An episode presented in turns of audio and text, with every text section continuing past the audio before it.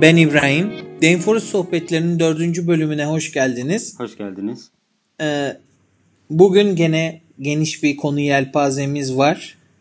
Ya ana başlıklarımız ama az ama konu derinliklerine ineceğiz. Dameforest'ın iyi ve kötü yanlarından bahsetmek istiyoruz. Evet. Ee, birkaç podcast dinleyen dinleyicilerimizden birkaç istek var. Onlar hakkında bir şeyler söylemek istiyoruz.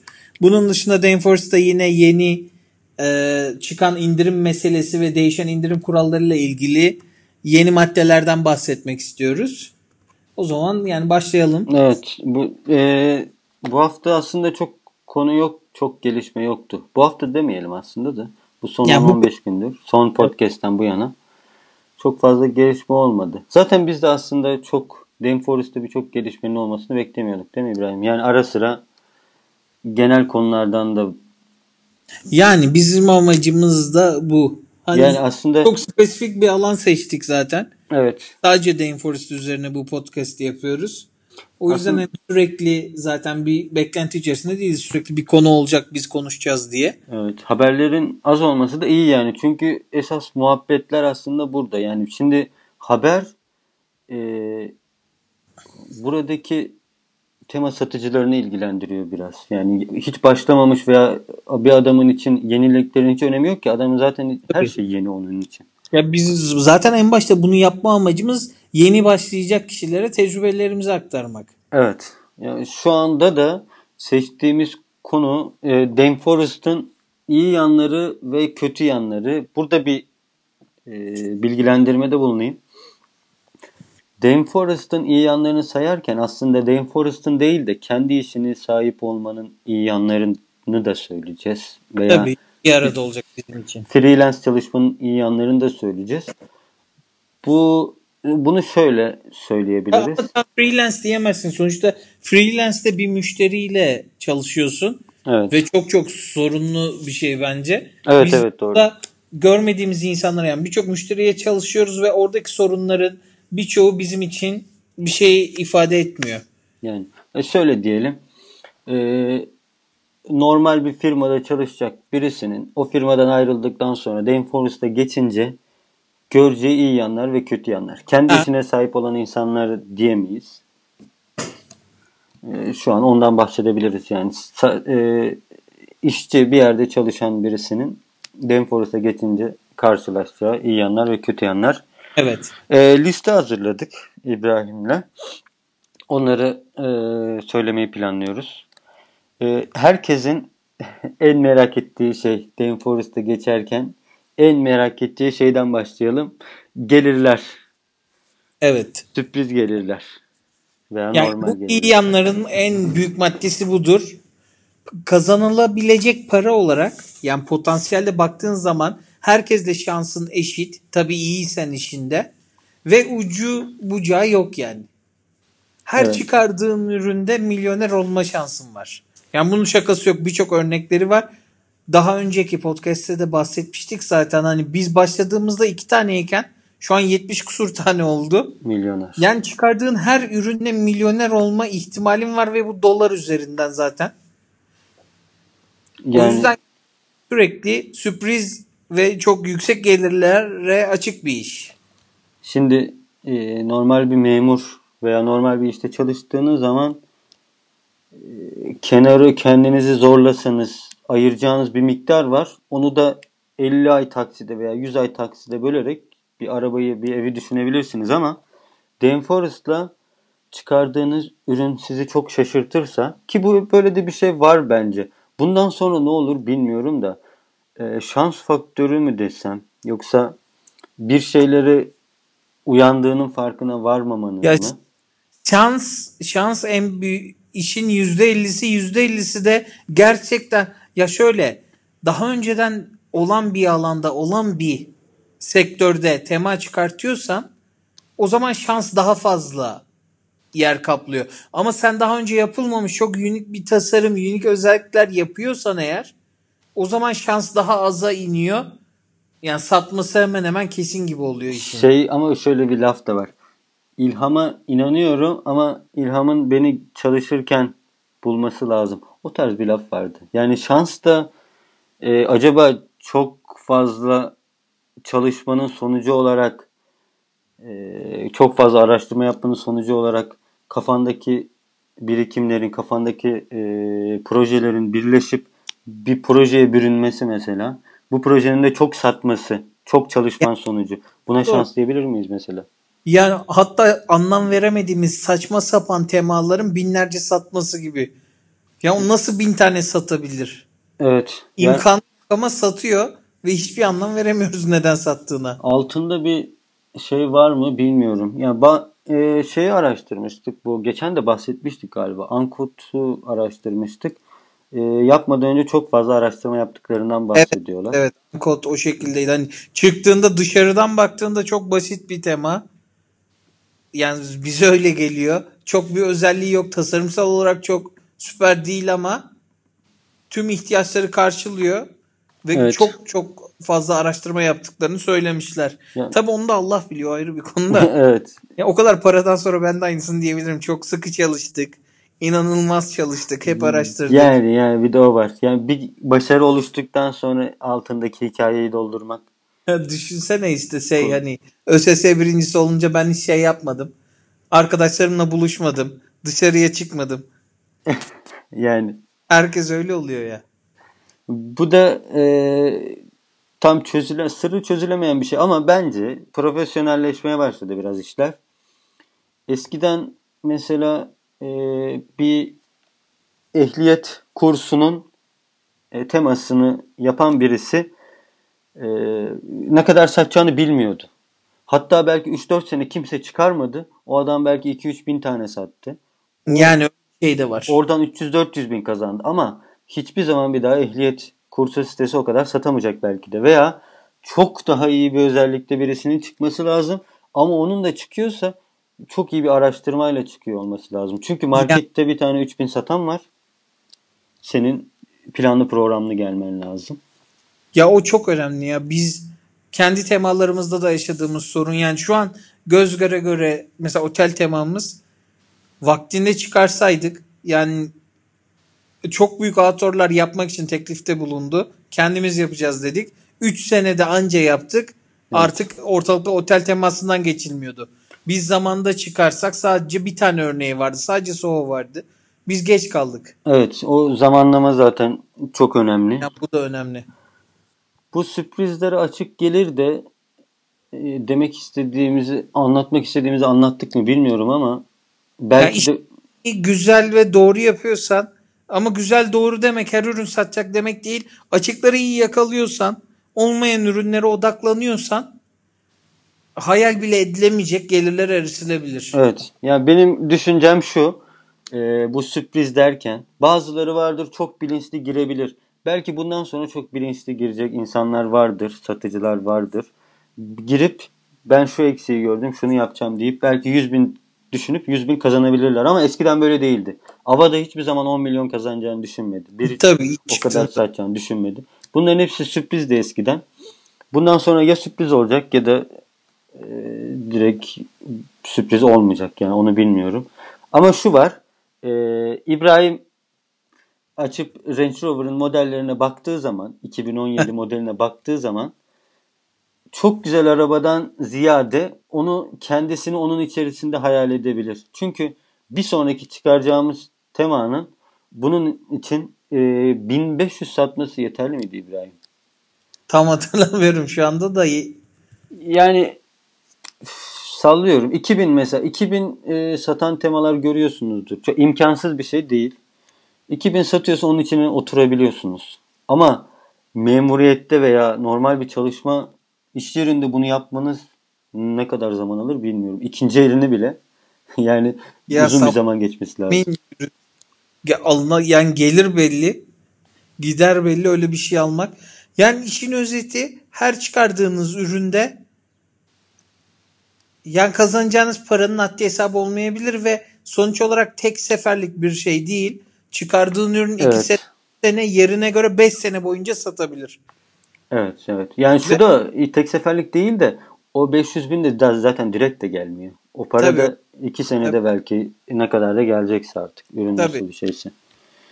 Ee, bunlara paralel olarak e, ürün sattığı zaman bizim gibi ülkede yaşıyorsanız, doların mesela çok yüksek, çok azaldığı bir ülkede yaşıyorsanız kısa zamanlar diliminde doların yükselmesi ve alçalması gelirinizi çok fazla etkiliyor. Tabii. Mesela 2-3 gün daha dolar öyle kalsa e, bazen 300-400 lira kaybediyoruz. Değil mi İbrahim ya? Hatta Tabii. şöyle Daha fazla olduğu dönemlerde 1000 liraya kadar vardı. Yani günlük 2 günlük 3 günlük dolar kurunun oynamasıyla 1000 liraya yaklaşan zararın veya karın olduğu dönemler oldu. Tabi bu gelir arttıkça 10 bin lira da olur, 20 bin lira da olur. Azaldıkça 100-200 lira da olur. Fakat dolar yani kuru aşırı etkili fakat bizim en başından beri bakarsak bu işe başladığımız döneme göre şu an dolar neredeyse 3 katına yaklaştı. kaçtı? Bir 2 miydi? 1.7 miydi neydi ya? Evet. 1.7 idi galiba biz başladığımızda. Ben de öyle hatırlıyorum çünkü şu yüzden 1 dolar birli bir şey ediyordu. Sonra Evet. sonraki sene 1 dolar ikili bir şey etmeye başladı. 2000'li bir şeyler. Evet. 1000 dolar 2500 falan etmeye başladı. Sonra 3500 sonra 3700 falan 3900'e kadar çıktı. Sonra 4 bir şey. binli dönemde para çektik. Yani şey 3.80'li 3.90'lı dönemde. Ya şöyle bir şey var. Yıllık bazda baktığımız zaman biz gelirlerimize son senede ki bu sene bayağı kötü 2016 yılını bayağı kötü geçirdik ürün çıkarma bakımından. Evet. Çünkü çok fazla şeylerle uğraştık, gereksiz işlerle uğraştık her neyse. 2016 yılında dolar bazında gelirimiz düşmesine rağmen bir önceki yıla göre Türk lirası bazında katlayarak öyle bir durum var. Evet ve şöyle de bir şey var. 2015 yılıydı galiba değil mi? Bizim en iyi yılımız 2015 yılıydı. 2015 yılında dolar o fiyat olsaydı Evet 2015. 2015 yılında kazandığımızın neredeyse iki katını kazanacaktık. Tabii. O yüzden o Dolar da çok önemli. kardan zarar. Tabii dolar, tabii. Doları etkiliyor. Bundan sonra ne olur bilemeyiz de dolar bayağı etkili oluyor. Ki şu da var yani işin güzel yanı şu. E, dolardaki fiyatın e, eşyalara, ürünlere yansıması Türkiye'de zaman alıyor. Teknolojiye biraz daha yakın geliyor ama. Tabii. Teknolojik ürünlerde değil de diğer ürünlerde daha uzun vadede yansıyor. Evet yani direkt görmüyoruz. Ev fiyatlarında da mesela onda da hatta çok Ya kısa sürede görmüyoruz. Şöyle bakalım temel gıda fiyatlarında sonuçta buradan kazandığın ev geçindiriyorsun. Temel gıda, elektrik, su gibi e, fiyatlara baktığımız zaman buradaki dolar yükselmesinin kat kat altında bir artış Evet, oluyor. evet. Bu mantıkla sen gelirini hep arttırmış oluyorsun. Yani Ha keyfi yok ben telefonumu yenileceğim, bilgisayarımı yenileceğim tarz şeylere gittiğinde daha hızlı fiyat artışı oluyor ama normal yaşamını herhangi bir yerde çalışırken de hayatını idame ettireceğin dediğimiz kısmı baz alırsak hep kardasın bu işte. Yani çü- çünkü e, dolar direkt artınca e, oradaki senin maaşın artmış gibi oluyor. Yani düşün iş yerinde Yani tamam. çalışırken maaşın artmış gibi. Alıyor musun gibi oluyor. Evet yani bonus gibi oluyor. O yüzden doların artması kısa vadede diyelim artık ne kadar vadede onu ölçemeyiz herhalde. E, çok iyi bir gelir kazandırıyor.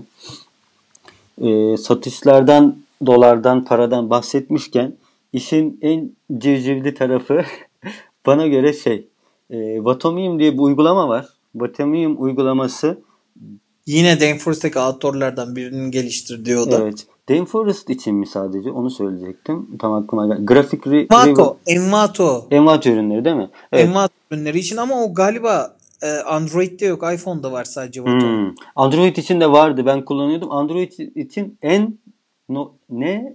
Envato muydu? Öyle bir şey. Onu da açıklamalara yazacağım. Şu an aklıma gelmedi. Ee, kısacası e, istatistik uygulaması ve aynı zamanda Bildirim uygulaması. bildirim ye- yeni satışlara haber veriyor. Ee, Ya demek istediğin abi nerede olursan ol sürekli o para sesinin gelmesi çok alakasız Evet. bir yerde oturup televizyon izlerken biriyle sohbet ederken ortamdayken ya satış, telefondan para sesi gelmesi çok harika bir satış şey. yaptığında bozuk para sesi geliyor. iPhone'un iPhone'un müziği değil mi o? O bu uygulamaya hayır hayır bu uygulamaya ait seçtikleri bir ses. Ha, öyle mi? Bozuk para sesi geliyor. Yani bir yerde otururken ya çok alakasız bir yerde hiç ürünü düşünmediğini. Mesela kurban bayramında kurban keserken Evet. senin ürünün satıyor yani yan tarafta. Bu çok değişik bir duygu ya. Oturuyorsun akşam ürün satıyor, sesi geliyor. Yani hiçbir şey yapmıyorsun o anda. Arkadaşların da biliyorsa bu sesi onlar, evet. onlar üzerinde inanılmaz bir etki var. Çünkü ikiniz de sohbet ediyorsunuz ama sen para kazanıyorsun. Sürekli yatarken kazandığını söylemeye başlıyorlar ondan sonra. evet ama bilmiyorlar ki ya onu zaten e, Başında harcadığın emek var. yani kötü yanlarında da bahsederiz. O şey muhabbeti de var ya o zaten hep girişimcilikte hep olacak şey. Aslında Rainforest girişimcilik bence eşit bir şey. Giriş hani Pokemon Go'yu çıkardı adam. Pokemon Go'ydu değil mi? Evet. Evet. Bir, bir e, ayda en çok indirilen uygulamalardan oldu diyelim. Milyon dolarlar kazandı hemen kısa sürede. Bir gecede milyoner oldu meselesi. Yani çok saçma. Kaç defa acaba ne yaptı? Nelerle uğraştı? Öncesinde neler yaptı acaba o adıma gelene kadar? Benim en çok önemsediğim şey şu. Başarıda şu çok önemsizleştiriliyor. Altı boşaltılıyor. Ee, ne fedakarlık ettin? Ben yani şu an biz ne yaptık? Mesela evlilik olarak bakabiliriz yani. Biraz geç evlendik sıradan insanlara göre. Yani normal e, çalışan insanlara göre. E, geç ben evlenmedim gerçi. Hala evlenmedim ben. İbrahim mesela 30 yaşında evlendi. Veya normalde hayata baktığınız zaman onlar daha çabuk hayata atılabiliyorlar. Veya dışarıda daha çok dolaşabiliyorlar. E, daha çok eğlenebiliyorlar. Ya yani bunlar geçici şeyler olabilir ama belli şeylerden fedakarlık etmeden buraya gelinmedi yani. Hiçbir şeyin bu şey olmadı yani. Ee, kolay gözüktüğü kadar olmadı. Satış sayılarına Yani- bakıp ee, Buraya gelene kadar neler geçirdiğin tabii ki. yani ben şu yani var. kalmak var. Çok Ne oldu. hani- Yani ofiste İbrahim'le Evet. ee, Biz yani bu- bundan daha önce de bahsettik galiba eski konularda da sabahleyin 8'den gece saat 12'ye kadar çalıştığımız dönemler. Evet. Tabii tüm tamamını çalışmıyorsam sürekli bilgisayar başındasın. Evet, pazar günü Pazar günü dahi gel geliyorduk yani. pazar günü sanırım geliyorduk gelmeyi boş ver 11'de falan çıkıyorduk değil mi? Ya biz uzun süre zaten şey bir seneye yakın haftanın 7 günü çalıştık. 7 günü çalıştık ve de saati e, sabah biraz geç gidiyorduk galiba. 9-10 gibi mi gidiyor? 10-11 gibi mi gidiyorduk? Ee, Bir dönem 8'de 9'da gidiyorduk evet, zaten. akşam Ve benim- sonrasında hani yani bu çok bayağı bir uzun süre. Pazar günleri tatil dediğimizde çok garibimize gidiyordu o zaman tatil olmak. evet Sonra tabii ben evlendiğimde artık cumartesileri de tatil yaptık. Sonra da şu an öyle bir tatil sistemi yaptık ki zaten. Duyan ne zaman çalışıyorsunuz diyor. evet tatil sistemimiz e, kısaca e, resmi tatilleri de tatil yaptık. Dedik memurlar tatil yapıyorsa biz neden yapmayalım? Resmi tatilleri de yaptık. Türkiye'de de resmi tatiller baya fazla. O yüzden e, Dini ta- tatil. Evet. Tatil sayılarını arttırdık. E, Evet. Kafa rahat olsun. Yani orada çalıştığın 3 saatte bir şey olacak mı olmayacak mı bilmiyorum. Ama biraz kafanın rahat olması için. Bir de çok fazla çalışmanın ardından biraz stres atma için. E, bu saydıklarımız İbrahim bu aslında e, Danforth'un iyi yanları. Tatilini belirleyebiliyorsun. İstediğin Yani şey, tatil yapabiliyorsun. Şuraya çalışma özgürlüğüne geliyor işin özeti işte. Yani çalışma özgürlüğü mükemmel bir şey. Ben ben çok çalışmadım. İbrahim de çok çalışmadı. Çok tecrübemiz yok yani. Birisinin altında Ha, çalışma yani tecrübemiz yok. başkasının yanında çok uzun süreli bir çalışmamız olmadı evet. Evet, Hemen benim hemen bir- neredeyse ya. Benim bu sektörde çalıştığım toplasan 8-9 ay birisinin yanında çalıştım. Benim, yani. benim de ben de askere gitmeden önce bir 3-4 ay pardon 1,5 ay çalıştım. Anlaşamadık. Ya şu çok kötü bir şey. Yani çocuğunun hastalanıp birisinden izin alma. Ya şu adama Ya şimdi öyle deme. Çünkü yani bunu zorunda olan insanlar var. Herkes ya işinden zorunda ama şey yani yok. ağır bir şey. Yani bu e, Eğer bu işi yapmayı düşünüyorsanız böyle bir güzelliği var evet ama yoksa da elden gelecek bir tabii şey yok. tabii. Ama yani insana yine de e, bu ne denir buna? Kamçılmalı öyle diyelim. ya. Beyaz yakalı. Bu beyaz yakalı olmanın getirdiği samimiyetsizlikler zaten var. Yani iş yükleri var. Samimiyet kapitalist sistemin içerisine giriyorsun. Bir sürü şey var ama en en önemlisi bu bu rahatlık. O yüz bazı insanlarda vardır da ben çok çekinirim. Ee, acaba işim çok acil çok acil olduğunda istemeye çalışırım. Çünkü e, acil değil derse insan şey olur yani. Belki de bu sizi Danforest'a atmak için bir kırbaç bir şey olur yani motive eder. Ee, bu istediğin zaman çalışma muhabbeti çok iyi bir şey. İstediğin yerde çalışma da çok iyi. Yani internetin olduğu her yerde. Yani evet. O o Ya şey, biz- şey çok güzel ya İbrahim. Mesela ben e, bir yerde bir yere gidecek oluyorum. Soracağım tek soru şu. İnternet var mı? Yani Ben de- elimde zaten bilgisayar var. İnternet var mı? İnternet varsa Ya, orada çalışabilirsin. telefonla falan da çözebiliyoruz artık. Eskisi gibi de değil de. Ha değil mi? Yani senin Tabii. telefonda internetini al. Evet ya ama tam verimli çalışma açısından bakarsak mutlaka internet var mı diye soruyoruz. Ya işin Ali de aynı fikirde bildiğim kadarıyla da hani bizim sonunda varmak istediğimiz nokta biz şu an zaten haftada 5 gün çalışıyoruz. Kendi sistemimize göre. Günde de tamamı olmasa da 8,5 saatlik bir mesai dilimimiz var. Evet. Ya ileride bunu daha da düşürmeyi planlıyoruz. Tabii gelire bağlı olarak o başarıya ulaşabildiysek zaman da düşürmek istiyoruz. Yani sonunda varmak istediğimiz nokta günde 5-6 saat çalışılan hani ileride bunlardan da bahsedeceğiz yalnız. Hani iş yerimiz nasıl, eleman durumu nasıl, hani çalışanlarla nasıl iletişim kurulacak? Evet. Bunlardan ileride de bahsederiz ama şu an için varmak istediğimiz nokta haftada 5 gün günde 5-6 saatlik bir çalışma sistemi oturtmak. Yani nerede çalışıyorsan çalış. İstersen ülke değiştir. İstersen git kumsalda çalış. Nerede çalışıyorsan çalış. Yani ben Böyle muhteşem bir güzelliği var işin. şunu eklemek istiyorum. Yani 5-6 saat deyince böyle azmış gibi gözükebilir ama e, ikimiz de İbrahim'le çalıştık. Çalıştığımız yerlerdeki insanlar 8 saat çalışmıyorlar. 8 saat ofiste duruyorlar. Veya 9 saat ofiste duruyorlar. Ya Yani- biz de kendi işimiz için çalışırken aynı şeyi başaramıyoruz yani. Sonuna Evet. Yani kendi işinde bile çalışsan o zamanın ne kadarı verimli. Yani İbrahim'le onu ölçerek yani hesaplayarak yani mesela 5 saat 4 saat verimliyse o 4 saat sadece 4 saat olsun yani. 5. Beş, saat olacaksa 1 saat boşa gidecekse o olmasın. Yani kendi e bir de şu güzelliği var. O iyi yanlarından bir tanesi de şu. Her şeyi kendine göre belirliyorsun. Bazı insanlar gece çalışmayı seviyor. Bazıları gündüz çalışmayı seviyor. Bazı insanlar e, günün belli vakitlerinde çalışmak istemiyor. Bunu kendine göre ayarlayabilirsin. Biz de İbrahim'le biraz esneyiz o konuda. Şeyiz yani. Yani ben çok esnektim de şu an Evet. biraz daha normal. Benim de bende aşırı bir esneklik vardı. Ben, ben Onu o durumu zar zor artık bir senedir falan toparladık. Ya bundan sonra da ben ben şunu düşünüyorum. Zaten bununla alakalı Medium'da yazım var. Link veririm.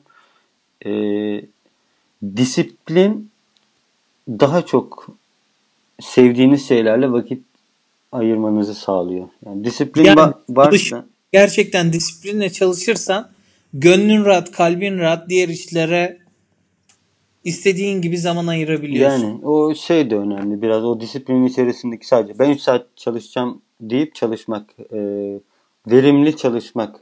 O disiplinin zamanında verimli çalışırsan e, 4 saat çalışıp 5 saat çalışıp günün diğer kalanlarına başka işler yapabilirsin. Bu 4-5 saat çalışma mevzusunun bir de şöyle bir sırrı var. Ya şey deniyor ya ben onları hiç sevmiyorum. Alman Amazon makinelerinde, Alman çalışma disiplininde. Bir tane firma diyor ki 5 saat çalışmak bize yetiyor. Yeter tabii ki. Çünkü sen 300 tane mülteci çalıştırıyorsun iş yerinde. Onları 18 saat çalıştırıyorsun ama hiç kimseye hesap şey yapmıyorsun. Kademe 5 saat çalışıyor. Ha yani o, o 5 saat çalışıyor ama. Hiç çünkü Avrupa'daki e, iş yerlerinde de şey mekanizması çok iyi değil. Mültecileri çok çalıştırıyor. Ama kendi işçileri olduğu zaman şey yapıyorlar yani 8 saat kaç saatse haftada 40 saatse buna çok dikkat ediyorlar. Ama mülteciler, mülteci demeyeyim de yanlış söyledim. Evet. Ee, kendi vatandaşı olmayan ucuz işçiler hiç kontrol Vas- etmiyorlar. İş gücü diyelim. He aynı. Ucuz iş gücü. Ucuz iş gücü zaten bunların her işini görüyor. Orada sadece kafa işini yapan adam kalıyor. Bizim de amacımız bu. Sadece kafa işini yapmak. Geri kalan e, işçiliği de e, belki yabancı ülkede birisine verilebilir. Başka şeyler yapılabilir. Düşünülebilir yani. Ama esas güzel olan bu bence İbrahim. E, ne istiyorsan onu yapıyorsun işte. Kafana göre bir sistem buluyorsun. Bunun dışında yani iyi yanlarından devam edelim. İngilizce ya başlangıç seviyesinde bir İngilizceniz olması gerekiyor. Çünkü destek vereceksiniz. Dışarıdan bir yardım almayacaksanız ve destek çok önemli. Destek verebilmek çok önemli. Destek verirken otomatikman İngilizceniz de gelişiyor. İster istemez gelişiyor. Evet, çünkü zorunlu hissediyorsun kendini. Anlaşamayınca kendini geliştirmek zorunda hissediyorsun. Ne dediğini anlamayınca araştırıp çözmeye çalışıyorsun. Her halükarda her seferinde yeni bir şeyler öğreniyorsun mutlaka. Evet. Ben şunu ben İngilizcemi geliştirmeye çalışıyordum. İbrahim'in İngilizcesi benden daha iyiydi ama o programlama yaptığı için support isterine ben bakayım dedik. Aramızda iş bölümünü öyle yaptık. İngilizcem bayağı kötüydü. Ee, konuşacak birilerini arıyordum. Ama durup dururken konuşacak konu bulamıyorsun. Ama böyle olunca hem konuşacak konu var, destek yapıyorsun. Hem kendi işin hem de doğal bir ortam. Hem para vermiyorsun. Bazı şeyler var öyle. Parayla konuşuyorlar. Burada bedava konuşabilirsin. Hatta e, sesli olarak da istersen konuşabilirsin. Arada İngilizler, Amerikalılar, native konuşanlar İngilizceyi geliyorlar. Yani hatta yüzde belki 60 falan şeydir yani. E, Tabii. İngilizcesi çok iyi olan insanlardır. Daha da fazladır bence oran. Artı yani bu İngilizcenin yanında o kültürden insanlarla da tanışıyorsun. Çok fazla iletişim kurduğun kişilerle hani uzun süreli Evet. Sen herhalde bildiğim kadarıyla Skype'a falan geçtiğin insanlar var devamında. Evet ben bir iki kişiyle geçmiştim. O zamanlarda şeydi yani. E, o, o bir tane geçtiğim İngiliz birisiydi. E, hem konuşuyorduk hem de eğlenceliydi yani proje. Onunla istesem daha fazla şey yapabilirdim yani. Ben İngiltere'ye gelince misafir edeceğim falan filan gibi muhabbetler gidebilirdi. Yani dünyanın her yerinde bir tane dost edinebilirsiniz. Bence bu süper bir şey yani, şey yani. Evet. Ki bizde konuştuğumuz yerlerde hani biz de şu ajansız, şu ülkedeyiz, şuradayız gibi birçok destek mesajlarında hani ben de arada göz atıyorum. Evet. Yani bu şekilde şeyler görüyorum. Tanışmak isteyenler oluyor. Şey vardı ya. E, bir de şu var. Önemli insanlarla da konuşabiliyorsunuz. Ben geçen neydi? Doçent miydi yoksa e, akademisyen bilmiyorum. Amerika'da bir tane dizayn akademinin şey yani. Hmm, ya akademisyen evet. ya da doçent hiç bilmiyorum. Belki çok önemli insanlarla konuşuyoruz. Hiç bilmiyorum yani şeyini. Hep de web designerlar olmuyor yani. Mesleği sadece bu olanlar Tabii, olmuyor. Satın alanlar da olabiliyor. Evet, o insanla belki hiç konuşamayacağım. İnsanlarla konuşup o fırsatları değerlendirebilirsin. Aslında biraz araştırma yapsan bu kimmiş diye görüşebilirsin. Yani bir çevre edinmiş de oluyorsun iyi bir şekilde. Yani o güzel. Ben aslında değerlendirmeyi düşünüyordum o zamanlar. Yani İtalya'dan birisi olsa onun yanına gidince. Ama e, destek zaten can sıkıcı bir şey. Bununla bununla zaten çok büyük bir bölüm yapılabilir. Kısaca söyleyeyim. E, destekte böyle biraz ondan bir şey istiyormuş gibi gözükürseniz yani dost olmak da bir şey istemektir. Veya ülkesine gidince misafir etmek de istemek. O zaman daha çok soru sormaya başlıyor. o yüzden ben çok şey yapmıyorum. Çok şımartmıyorum yani. Çok cıvık bir ortam oluşmasını sağlamıyorum. Ama e, insan dostuysanız yani akşam eve gidip mesai harici gidip konuşabilirsiniz yani istediğiniz insanlarla istediğiniz şeyi yapabilirsiniz. Yani başka ne diyebiliriz? Şu şey bahsedebiliriz. En önemli şeylerden bir tanesi sevdiğin işi yapma. Tabii. Burada e, benim için tasarımcı olarak yani mükemmel bir şey. En güzel tarafı şu. Şey yapmak zorunda değilim yani. Projeyi kendim seçiyorum. Logoyu, logoyu bir tık büyütmek zorunda değilsin. evet evet en önemlisi o. Onu zaten kötü tarafında sayalım. İstediğim projeyi yapabiliyorum. Yani İbrahim'le kararlaştırıyoruz. Diyoruz ki e-ticaret. Ben e-ticaret sitesi yapmak, tasarım yapmak istiyorum. Ona başlıyoruz. Veya blog tasarım yapmak istiyorum. Ona başlıyoruz. İstediğin projeyi istediğin şekilde yapabilirsin. Yani istediğin platformda. Sana hiçbir şekilde karışan yok. Her işi kendi kafana göre yapıyorsun. Yani birisinin ihtiyacına göre yapmıyorsun. Her şeyi kendi kafana göre yapıyorsun. Ve e, en güzel taraflarından bir tanesi de şudur herhalde. Yaptıktan sonra her şeyi kendine göre yaptıktan sonra onun satılması. Değil mi yani? Yani. O bir sadece kendin o işi becerme. Tabii. Aynı zamanda kendini de geliştiriyorsun. Yani sürekli güncel olmak zorundasın. Yeni çıkan teknolojileri takip etmek zorundasın. Çünkü yarıştığın insanlar dünyanın her yerinden olduğu için örneğin Türkiye'de bazı şeyler daha geç geliyor. Yani yaptığım işlerin burada kabul görmesi çok uzun zaman alıyor. Ama orada öyle bir şey, ortam olmadığı için sen sürekli kendini geliştirmek zorundasın. Sürekli yeni şeyleri uygulamak zorundasın. Bu sayede de sürekli güncel kalıyorsun. Yani şey var aslında yani Türkiye gelmiyor demeyelim de Türkiye geliyor ama müşteri senden öyle bir şey beklemiyor. Sen de onun verdiği parayla zaten o yükün altına girmiyorsun. Kendini zorlamıyorsun ama burada her zaman en iyisini yapman lazım. Çünkü yeah. bütün dünya piyasası burada yani. Bütün dünyanın en iyileri burada. Herhalde benim bildiğim kadarıyla çok daha iyi tema yoktur yani şey. E, Dame Forest harici Yok zaten pazar payının büyük bir çoğunluğu Envato'da.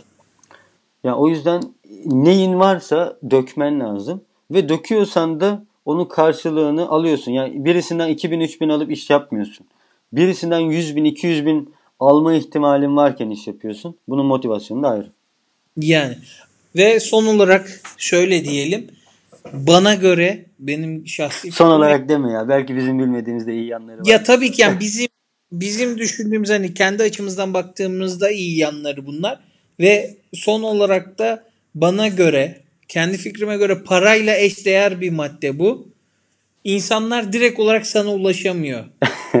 yani yüz yüze görüşmüyoruz. Telefonla görüşmüyoruz. Bir problem olduğunda yazıyor ve senin ne kadar hızlı cevap vermek istediğine bağlı. Ne kadar çabuk cevap verirsen o kadar iyi tabii. O ayrı bir konu da tatilinde vesairende kimse seni aramıyor. Ya hayır şey güzel değil mi yani? Ben iki dakika sonra verebilirim yani ki ama vermek zorunda değilim. Heh, işte bunu bilmek zaten işte bundan bahsediyorum. Ve sana da bu karşıdaki kişinin de ulaşamaması işte.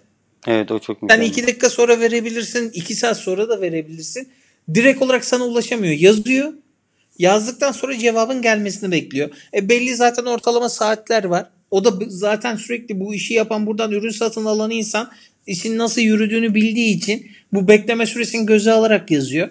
Artık sen ne kadar işin uygunluğuna göre, durumuna göre ne kadar kısa sürede cevap verirsen tabii ki senin artına. Fakat yazmak zorunda değilsin. Yazmadın diye de o kaybettin, çok kötü duruma düştüğün gibi bir şey söz konusu değil. Değil ya ben İbrahim ben şey. çok hatırlamıyorum ya. 3-4 günü geçmeyen, 3-4 günü geçen supportlardan bahsetmiyorum. 3-4 güne kadar. Yani 1-2 gün sonra cevap verip de yıldızı az veren bir insan pek hatırlamıyorum. Yani zaten istediği sonuca ulaştığı sürece müşteri hep yorumları iyi yönde oluyor. Evet. Zamandan çok ona bakıyorlar daha çok. Ya ben de ama şey yapıyorum. E, kısa zamanda cevap vermeye çalışıyorum. Pre-sale ise zaten e, satış evet. ne denir buna? Satış öncesi soru. Evet satış öncesi. Yani satın almak için bir şu var mı şu var mı diye koşul sa- sağlıyorlar. E, bir şey soruyorlar. E, onlara hemen cevap veriyorum. 1-2 saat içerisinde görürsem veya en fazla 4-5 saat. Ama normal supportları bir gün cumartesi pazar çalışmıyoruz. Cuma günü gönderirse akşam pazartesiye kalıyor. Genelde her gün e, ilk ofise geldiğinde 7 ile 10 arası bir saat belki iki saat o zaman diliminde onların sorularını cevaplandırıyorum ama bir web tasarımcının herhalde en kötü şeyi birisinin aramasıdır. Ben nefret ediyorum ya. Hani birisinin benle telefonla konuşması. Açmıyorsun telefonu. Bu sefer patronun veya o işi sana kim pasladıysa o seni o arayıp ya ne oldu falan demesi beni çok sinir ediyor. İkincisi de yüz yüze konuşmak. O zaten en beteri. Yani onun ya adam diyor ki buraya şey koyalım. Geçen e, bir arkadaşın sitesini yapıyorum ama bunu hayır için yapıyorum yani sadece. E, dedi ki şey koyalım döviz koyalım. Namaz vakitleri koyalım. Yani bir sitenin kim gelecekti orada dövize bakacak. Yani böyle diyen adamlar oluyor ve bunlar da kendine göre sebepleri oluyor. Artık kendisi mi bakıyor gidip dövize kendi sitesinde bilmiyorum. Bunlara laf anlatamıyorsunuz ve yapmak zorunda kalmak da kötü bir şey. Çünkü o benim portfolyom. O senin siten değil yani. O benim işim. Ben o işi yapıyorum. Ben şeye gitmiştim. Ee, çok alakasız olacak ama söylemek istiyorum. Hoşuma gitti çünkü. Ee, dişçiye gitmiştim. Kısa bir çözüm önerisinde bulundum. Dedim şöyle şöyle yapalım. Dedi yapamam dedi. Yani bu benim işim yani. Senin ama benim de dişim yani. Sonuçta uzamasını istemiyorum. Ama dedi benim ben oraya imzamı atacağım dedi. Yapmam. Prensiplerinden bahsetti. Kızarak çıktım tabii ki ama hoşuma gitti yani. Bu işte de e, sizin artık prensibinize kimse karışamıyor. Çünkü ürünü siz çıkartıyorsunuz. Evet kötü yanlarını İbrahim başla sen. Hiç başlamak istemiyorum. Kötü yanından bahsetmek istemiyorum ama çok var ya. Hızlı geçelim bence ya. Kötü yanlarını ama bu kadar özendirdikten sonra da yine de uzatmayalım fazla. Ama insanları da bir şey görünce hayal kırıklığına uğramasın. Evet, Bunu yani neden söylemediler demesin. Kötü kötü kısmını daha çok şey maddesel bazda detaylara girmeden geçelim bence yani. Olur olur. Çünkü herkesin kendi edineceği tecrübeler farklı. İyi yanlarını yaşadığımız için güzelce söyleyebiliyoruz. Kötü yanlarını daha çok yani herkesin başına gelmeyebilir. Evet bir de motivasyon insanların heyecanını bence Tabii kaçırmaya gerek yok. Kaçırmaya. Çünkü hepsi bir şekilde aşılabilecek şeyler. Ne yaparsan hep aşılabilecek şeyler. Ya ilk olarak kötü aslında bence tam kötü de değil de bu. Yani yapmak zorunda Yapmak, değilsin. Yaptığın ürünün devamlılığını sağlamak. Bu nedir? Külfet. WordPress, ha, yani külfet aslında evet. WordPress yeni bir versiyon çıkardığında senin temanda bir uyumsuzluk varsa ve bunu güncellemen ya da WooCommerce, Visual Composer gibi pluginlerin e, çıkardığı update'lerde senin temanla bir uyumsuzluk sağlıyorsa ve sen bunu düzeltmek için harcadığın zaman bir külfet aslında kötü yanda diyebiliriz aslında. Burada WordPress'e bağımlısın sonuç olarak. Ana ürün WordPress sen evet. değilsin. O yüzden ona bağımlısın de, updatelemek zorunda değilsin. Çünkü sen satış yaparken zaten hangi versiyonları desteklediğini yazıyorsun oraya. Evet. Ama desteklemezsen satış yapamazsın. Kötü yorum alırsın. Bu yüzden böyle bir külfeti var işin. Yaptığın eski en eski iki sene önceki ürünün bile yeri geliyor devamlılığını sağlamak zorundasın. Yani o kötü. Şimdi diyebilirsiniz ki o zaman marketten çıkar. Ama şimdi arada da ayda da bir iki tane satıyor. Bir iki tane ne demek? 100 lira 200 lira getiriyor. Ya Ama yeri şimdi, daha fazla sattığı dönem de olabiliyor. Ya mesela diyelim bir tane adam yani bir, bir ürün ayda bir satıyor ama onu da güncellemen lazım. Güncellemenin alacağı vakit belki 3-4 saat. Ben şimdi ayda bir tane satıyor diye onu öyle bırakamıyorum. Ama yapmak da işime gelmiyor. Çünkü az satıyor. Marketten çıkarmak da işime gelmiyor. O yüzden e, bu özellikle WooCommerce çok şey e, geri ne denir ona Türkçe tam bilmiyorum. Geri e, versiyonlarını destekleme konusunda çok iyi değil. Yani önemsemiyorlar. Bir sayfayı değiştiriveriyorlar. Visual Composer da eskiden öyleydi. Ya değiştiriveriyor senin kodların kalıyor orada. Ya dep şey oluyor yani. E, kullanılmaz oluyor. Yeni kalıyorsun. Evet. E, de, supportlar Tabii o var. Eski temanın support'ı bu da aynı mevzu zaten. Aynısı yani eski ürüne verilecek desteğe giriyor bu da. Evet. Yani bu şey e, satmayan bir ürün az satan, çok az satan bir ürüne birisi gelip bir sorun bulabiliyor. O sorunda mesela Twitter'ın apisi değişmiş mesela. Onu tekrar değiştirmen lazım. Bu çok büyük bir iş. Yapmasan olmaz, yapsan olmaz. Bir şekilde şey yapmaya çalışıyorsunuz. Supportlar. İbrahim. Ya supportlar tam kötü değil. İşin getirisi bu da sonuçta. İş ya, evet. Ama şu da şöyle. E, nasıl diyelim? E, normal bir yerde çalışmanın, memur olmanın getirileri de onlar mesela. Ama biz onda e, memur bunu yapamıyor. Biz yapıyoruz dedik mesela. Denforest'taki satıcılar Tabii. yapabiliyor. Bu da yani, var destek belli bir döneme kadar kendi yani destek verecek bir çalışanın olana kadar sen vermek zorundasın. Destek şeyin kötü ya. Hani e, normal destek elemanı gibi değil yani. Mesela birisini koy destek olsun değil. Çok bilgili. Destek elemanın yapan kadar bilgili olması lazım neredeyse. Yani nasıl çalıştığını, ne yaptığını hepsini bilmek zorunda. Bilmek zorunda. Bir de e, hem ürünü bilmek zorunda hem de WordPress'i bilmek zorunda. CSS bilmek zorunda. HTML bilmek zorunda. Yeri geliyor normal sorular da gelebiliyor. Çok alakasız. Yani cevap verseniz iyi olabiliyor. O yüzden support çok sevimsiz bir şey. Başlangıçta da e, onu kim omuzlanacaksa çok sıkıntılı bir süreç. E, ama yapmanız gereken bir süreç, yapmanız gereken bir şey. E, yapmazsanız da ratinginiz azalır. Ratinginiz azalırsa da satışlar azalır. O yüzden gerekli bir şey yani. Başka nereden diyebiliriz?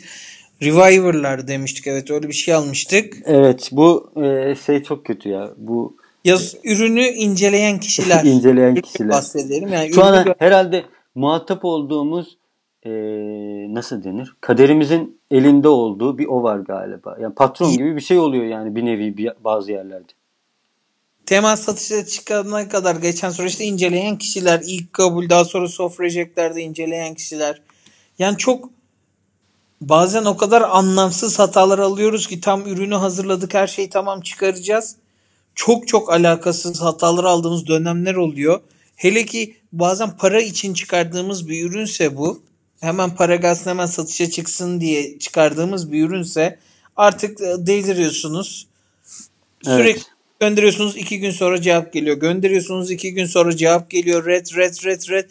Ve o kadar saçma bazen ya bir ara şuna takılmıştık şöyle yani description'da WordPress'in V ile P'sinin büyük olması lazım.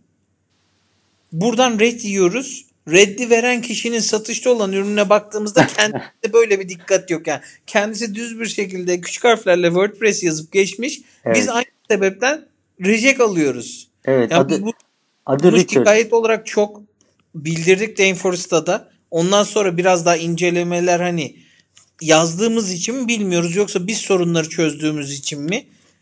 Daha çabuk çözdük sorunları fakat şikayette de bulunduk. Gerçekten saçmaydı yani bu durum. E, bir şeyi plugin yapıp içerisine bir şey koyduklarınız koyduğunuza doğru düzgün bakmıyorlar bile. En önemsiz şeylere çok önem atfediyorlar. Evet. Ama çok önemli şeylere doğru düzgün bir şey yazmıyorlar. Mesela Ve cover'da cover'da Apple logosu unutmuşsun. Ya bu bunu yapıyorlar ama orada Twitter bazı sayfalarda çalışmıyor. Plugin içerisine yüklettiğin için bunu görmüyorlar bile bazen. Çok büyük hata. Ben mesela çok büyük hatalar yaptım. O hataların hiçbirisini doğru düzgün vermediler. Ama şey unutmuşsun. Escaping'i unutmuşsun falan diye şey yapıyorlar. yani bu bu da can sıkıcı konulardan yani büyüklerinden bir tanesi bu da.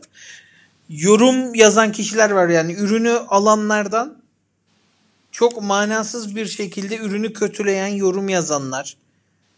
Hani senden hiçbir destek de yani bu yorumların yanında rating de var aslında. Ya bir ürün çıkardık 25-26 tane 5 yıldız almış. Adamın bir tanesi geliyor 1 yıldız veriyor. Fakat bir yıldızı neden verdin? Bizle iletişime geçmemiş, destek talebinde bulunmamış. Sorun ne hiçbir şey belli değil. Bir yıldız.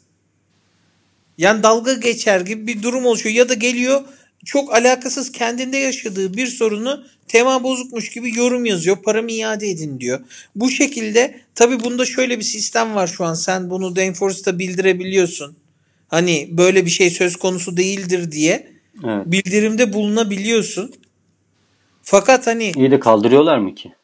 sonuçta flagleniyor o an görünmez oluyor ve gerçekten sen haklıysan siliniyor sonunda. Bir yıldız hiçbir şekilde silinemiyor zaten. Bir yıldız verdiyse ki bir yıldızı veren kişi değiştirmediği sürece bir yıldız. Evet evet. Fakat evet, kötü yorumu direkt bildirirsen eğer haksız yere ürünümü kötülüyor diye genelde onlar hep o yorumlar siliniyor. Fakat bir yıldızda hiçbir şey yok. Bir yıldızı veren keyfine de verse yani biz mesela Artmac'te de sürekli 5 yıldız sürekli 5 5 5 5 adam bir bir yıldız verdi destek vermediniz bir şey yapmadınız. Mail yazıyorum adama gittim ulaştım siz bizden bir destek talebinde bulunmadınız nasıl destek vermediniz cevap bile yazmıyor bir yıldız kaldı. Evet. Ya ürünü silsen bile kalıyor zaten. sadece. Evet. Biraz hızlandıralım. Bayağı da oldu vakit çünkü. Ee, kalifiye elemanı bulmanın zorluğu. Zaten bu sektörün en büyük zorluğu o. En çok karşılaşacağınız yan bu. Neden? Çünkü birisi WordPress biliyorsa veya e, bu işleri çok iyi biliyorsa kendisi yapıyor. O yüzden yani böyle bir eleman bulduğunuzda ya çok iyi bilmiyordur yani ya da biliyorsa da risk almıyordur. Yani risk almayan bir iyi bilen birisini bulmanız lazım. Ya da birisi gelip sizin yanınıza pişmeyi düşünüyordur. Bir iki sene sonra gidecektir. O yüzden e, aldığınız eleman da elinizde çok fazla durmayacak. Kendiniz yetiştirmeniz gerekecek. Yine o da gidecek. O yüzden bu bizim aşamadığımız bir yer. Biz bunu e, yabancı ülkelerden bulmayı düşünerek yapmak istiyoruz şimdilik. Yani tam çözümde bulamadık yani. Kötü yanlarından bir tanesi bu. Evet İbrahim.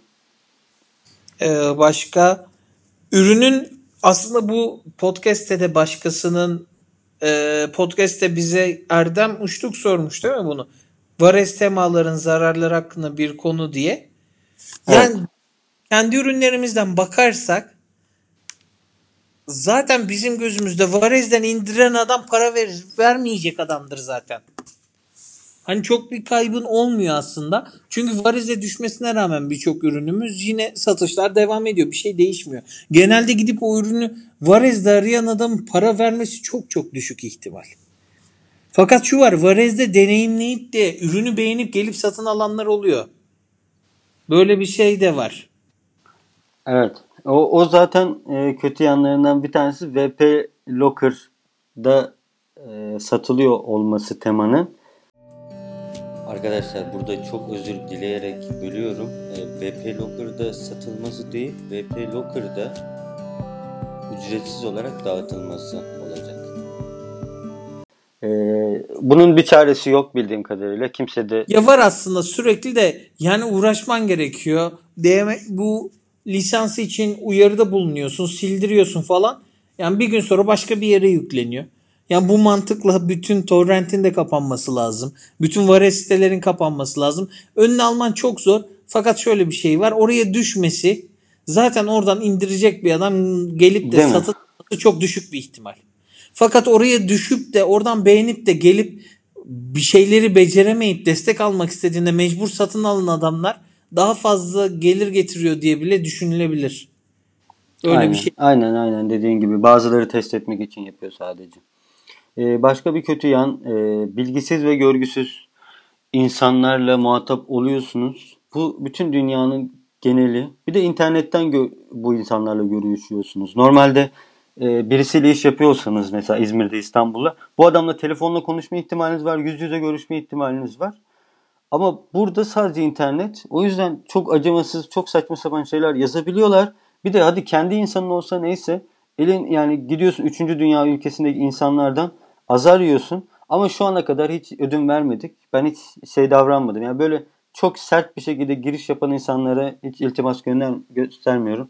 Yani hiç acımıyorum yani. Ama böyle biz biraz haksızsak böyle biraz geri çekilip onu absorbe ediyorum yani. Yani bu her sektörde geçerli olan bir şey de bu tarz insanlar burada yüz yüze de görüşmemenin verdiği cesaretle gelip yani saçma sapan şeylerle muhatap olunabiliyor. Evet. Bunun dışında devam edersek yine burada gerçekten kötü yan demeyelim de işin risklerinden biri sabit bir gelirin olmaması, riskli olması. Yani bu süreçte para gelmeyince ne yapacağım ben korkusu, stresi, hesap kitap yaparken. yani başlangıçta çünkü hiç garantisi olmayan bir şey. Bir ürünün çok satıyorken bile garantisi olmayan bir şey. Bir süre sonra çünkü o satışlar düşecek. Yerine yeni bir ürün koyamazsan gelirin düşecek. Bunun kaçarı yok. Yani o yüzden bu... bu çok önemli bir şey. Yani bu yola girerken düşünülmesi gereken en önemli konulardan bir tanesi. Sabit bir gelirin olmaması. Şey kolay. Yani bir 50 bin lira 100 bin lira kazanabilirken tabi bu aydan aya düşüş bir ayda bu kadar düşmez de. Tabi. Yani zamanla işinle ilgilenmezsen kötü ürünler çıkarmaya başlarsan kötü ürün yani pazarda değişiklikler olur sen bunu yakalayamazsan çok çok aşağılara düşer gelir. Bu yüzden bu dengeyi sağlamak çok önemli. Evet şey de var. E, normalde ailesiyle kalan bir insan bu riski göze alabilir. Yani oradan para gelmediği zaman çok Ama sen ev geçindirmek için bu yola çıkıyorsan Evet. O bu zaman çok büyük bir risk. Bunu göze alabilmek için belli bir seviyeye gelmek gerekiyor. Yani ben buraya başta evde geçindirmen gereken bir ailen varken belli bir parasal yatırımın yoksa eğer birikimin yoksa gözünü karartıp buraya girmek çok tam büyük zaman tam saçmalık zamanlı olur. girmekten bahsediyorum. Tam Evet. zamanlı girmek evet tam zamanlı girmek çok büyük bir saçmalık olur. Buradan gelirler ne şekilde oluyor? Hangi seviyeye geliniyor? Ne oluyor? Bunları anladıktan sonra tam zamanlı girmek en mantıklısı. Ha Yani, yok evet. zaten ailenizin yanındasınız. Kendi geliriniz için bir şeyler yapıyorsanız o zaman ayrı. Evet. Bir şey var bir de yani 50 bin kazanıyorsun sonra 30 bin, 20 bin, 10 bin iniyor. Şimdi eğer çok iyi plan yapmadıysanız e, ve de bir iki şey değiştiyse, bir iki faktör değiştiyse mesela arama sonuçlarında artık birinci değil ikinci sayfada veya üçüncü sayfada çıkarsanız ya bu size bağlı şeyler değil. Böyle yavaş yavaş azalıyorken birden kendinizi beş parasız bulabilirsiniz. O beş parasız bulduğunuzda yeni bir ürün çıkarmak, o ürünün satması ve o ürünün ayın 15'inde size ulaşması derken yaklaşık 3-4 aylık bir süre geçiyor. Yani cebinizde para yokken, hiçbir şey yokken para kazanacağım dediğinizde ürüne başladığınızda 3,5 ay sonra falan para geliyor. O da baya bir kötü yanı. Yani birden e, bir elma alıp satabilirsiniz veya bir şey alıp satabilirsiniz ama bu işlerde e, Tabii ürünü tasarladın, satışa çıkardın, ilk ayın parası kazanıldı, geldi. Satarsa tabii geçerli yine bunlar. O yüzden bu süreci yani sürekli planlamak, bunu bunu sürekli planlamak gerekiyor. Belli bir seviyeye gelene kadar yani eski ürünlerinizin sattığı belli bir döneme gelene kadar başlangıçta buna çok dikkat etmek gerekiyor. Evet. Ee, bu dönemlerde çok aşırı çalışmanız gerekebilir ve aşırı çalışmak şöyle dursun aynı zamanda çok kaliteli ürün çıkarmanız lazım. Yani geçiştirici bir şey de olmaması lazım. Hem kaliteli olması lazım hem de çok çalışmanız lazım. Bu çok stresli olabilir. Özgürce çalışma dediğimiz ya iyi yanlarının en çok saydığımız özgürce çalışma, istediğimiz zaman çalışma, çok az çalışma gibi şeyleri söylerken böyle de bir durum söz konusu. E, planlamayı doğru yapmadın, ürünü çıkarman gerekiyor, çok fazla boş şeylerle vakit harcadın derken bu sefer para kazanabilmek için mecburen ürünü çıkartabilmek için normalden daha fazla çalıştığın dönemler de olabiliyor. Evet. Sürekli şöyle bir şey söz konusu oluyor o zaman hani ürün çıkaracağım çalışıyorum, ürün çıkaracağım çalışıyorum.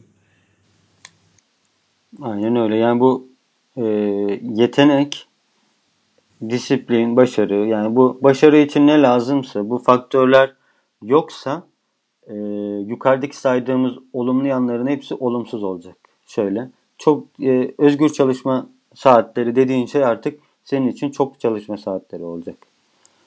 E, bu sürpriz para dediğin şey senin için sürpriz olacak. Bir bakacaksın 50-100 lira gelmiş. Gerçekten sürpriz olacak. Tabii gerçekten sürpriz olacak o zaman. O yüzden ya başarı yoksa ve yetenek yetenek demeyelim de ona e, çalışma, azim falan neyse ne gerekiyorsa artık bu iş için.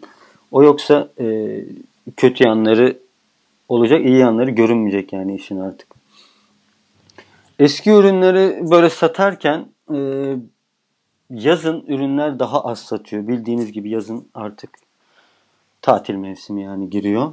O yüzden yaz aylarında bir de yaz ayları nedense Genel bir düşüş oluyor satışta. genel bir düşüş var. Bir de insanın yaz ayında paraya daha çok ihtiyacı oluyor.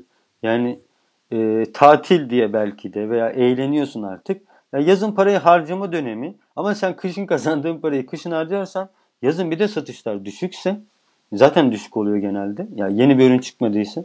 Yani yeni bir ürün olmadığı sürece eski ürünlerin satışı yani birden bakıyorsun kışın mesela yaz geldiğinde artık bitti diyorsun kendi kendine. Hani bu ürünler satmaz artık. Bu seneden itibaren bitti. Kış tekrar yaklaştığında anlamsız bir şekilde satmaya başlıyor birden. Evet ya ümitsizliğe kapılıyorsun. Artık diyorsun yani satmadı artık satmayacak ama birden bir satış geliyor yani. O yüzden yaz aylarının satmamasını göze alarak planlar yapmak lazım. Bu herkeste geçerlidir çünkü. Ya da yazın çıkaracağın ürünü yine satacak diye bir garantisi yok da. Evet. Yani planını iyi yapmak lazım. Bunu da düşünmek lazım yaz kış. Evet. Ee, yatırım yapmak. Evet. Bu yatırım yapmak kolay değil. Ee, bir işe. Normalde nasıl denir? Ee, bir proje çıkaracaksınızdır. Biraz risk alırsınız, yaparsınız ama bu işte e, şu tema için bankadan şu kadar para çekeyim ve yapmaya başlayayım kolay bir şey değil. O yüzden e, yatırım yapılası bir şey değil. Kolay değil yani. Yatırımcı bulmak da bence kolay değil. Yatırımcı bulunca da zaten e, anlatması da kolay değil. O yüzden normal bir girişimcilikten farkı bence bu olabilir. Yatırım yapması biraz zor. Çünkü çıkardığın üründen hiçbir zaman emin olamıyorsun, olam, olamıyorsun. Yani ya garantisi yok sonuç olarak satacağın hep bu şekilde düşünmek zorundasın. Yani ya satmazsa Evet. Yani hep yani bu şekilde bunu yaparken evet yine iyi yanlarında söylediğimiz sürpriz gelir. Yani çok çok yüksek paralar kazanabilirsin evet ama planını her zaman ya satmazsa şeklinde yapmalısın. Evet. Ee, bazı ürünler de görüyoruz. Mesela biz genelde ürüne dışarıdan baktığımız için yani kendi ürünün olsa biraz değişik olabilir de dışarıdan bakıyoruz ürüne İbrahim'le. Bu satar bu satmaz bu satar bu satmaz diyebiliyoruz. Veya şöyle diyebiliyoruz. Bu çok satar. Yani bu hakikaten beni geçer diyebiliyorsun bazı ürünler için. Emin olabiliyorsun ama kendi ürününden emin olabilir misin bilmiyorum. Ee, o yüzden bunları gördük. Bazı ürünlerde satmadı. Yani neden satmadı diye ben hala açıp açıp geriye bakıyorum yani. Bazı ürünler de var. Çok satıyorlar. O yüzden bunu her zaman bir şey yapmak zorundasın. Buna göre plan yapamazsın. Yani. Bizim bunun biz bunun çok acı bir tarafını görmedik açıkçası. Yani şimdiye kadar bir şekilde yuvarlanarak geldik. Ya batmadık. Ama bir iki tane hayal kırıklığımız oldu satmaması. Yani Tabii. Bir, bir tanesi özellikle jurnalist teması. Ya neden satmadığı hakkında bir fikrimiz yok. Bazı temalar var diyoruz ki şu şu yüzden satmadı, bu bu yüzden satmadı ama onun hakkında pek fikir yürütemedik. Öyle bıraktık yani köşesini. Yani başka ne diyebiliriz? Evet. E... Yani bu işle uğraşırken hani yeni bir girişim yapayım, yeni bir proje yapayım. Me çok vakit ayıramıyorsun. Neden? Çünkü Dainforest işinde zaten birini bitirdiğinde birine başlayabilirsin. Müşteri aramıyorsun. Müşteri her zaman var. Sen ürün çıkartıyorsun. Bu yüzden o proje bittiğinde diğerine geçiyorsun. O proje bittiğinde diğerine geçiyorsun. Bu yüzden hep fikrini, aklını ve gücünü Dainforest'ta proje çıkarmak üzerine kuruyorsun. Eğer tam zamanlı çalışıyorsan Dainforest üzerine. Ya bir de proje çıkarmak, bir de teknolojik gelişmeleri takip et yanında. Yani yani böyle bir seviyeye gelmek için ben Dainforest'ta da çalışıyorum. Dışarıda da başka girişimlerim var diyebilmek için cidden bayağı bir gelir seviyesine ulaşmak lazım. Belli bir aşamayı aşmak lazım. Yani başlangıçta şöyle bir hayal olmasın ben hem Dainforest'a ürün atarım. Günde 2 saat ayırırım. Başka bir işte girişim yaparım. Bilmem ne yaparım. Projemi geliştiririm. Böyle bir şeyin imkanı yok. Biz her çeşidini denedik. Kesin olarak yok yani. Evet. Ya İki de, kişi olmamıza rağmen. Yani o zorluğu da var işte ya. Yani iki kişiysen e, support, tasarım falan derken yani zaten çok fazla üzerinde iş oluyor ve onları sektörde takip etmen lazım. Yani sen satamıyorsan artık daha da dibe batmamak için daha çok çalışıp neler satıyor diye daha çok araştırman lazım. Yani satan adamın hem parası çok hem vakti çok. Satamayanın hem vakti yok hem parası yok ama satamayan adamı daha çok araştırması lazım satmak için. O yüzden belli bir seviye ve aşamaya gelene kadar çok fazla yani çalışmak gerekiyor. Unutacağız. Başka bir seçenek yok. Bir de ben şunu eklemek istiyorum son olarak. Ee, dünya ile yarışıyoruz falan dedik de orada biraz hata oldu sanırım. Şu yüzden e, gelişmiş ülkeler ya doların e, dolar para birimi kendi para birimine göre çok fark etmeyen ülkeler diyeyim daha doğrusu bu işte çok uğraşmıyorlar. Onlar satın alıyorlar. Çünkü Amerika'da mesela e, benim bildiğim kadarıyla biz normal sıradan e, de, developerlar işe girse 110 bin dolar falan alıyorlar değil mi yıllık? Yani evet. 110 bin dolar. Neredeyse aylık 10 bin dolar. Benim bildiğim kadarıyla da o geliştikçe 5-6 senelik tecrübe oldukça belki de artacak. 140-150 bin olacak. Bonuslar falan da var bildiğim kadarıyla. Çalışma saatleri de güzel. E, 9'da 10'da falan başlıyorlar. 6'da falan bitiriyorlar. Genel olarak yani kalifiye bir elemansan güzel. Şartları da güzel. O yüzden birisi 10 bin dolar maaş alıyorken veya Almanya'da 5000 euro maaş alıyorken bu işe kolay kolay girmiyor. O yüzden zaten autorlara bakarsanız hepsi e, ya böyle gelişmemiş Avrupa ülkeleri Romanya falan Rusya olabilir. Rusya bile az ya ben Rusya bile çok evet, Ukrayna evet. Ukrayna Ukrayna çok fazla. E, böyle ya Hindistan e, dolusuyla. Evet.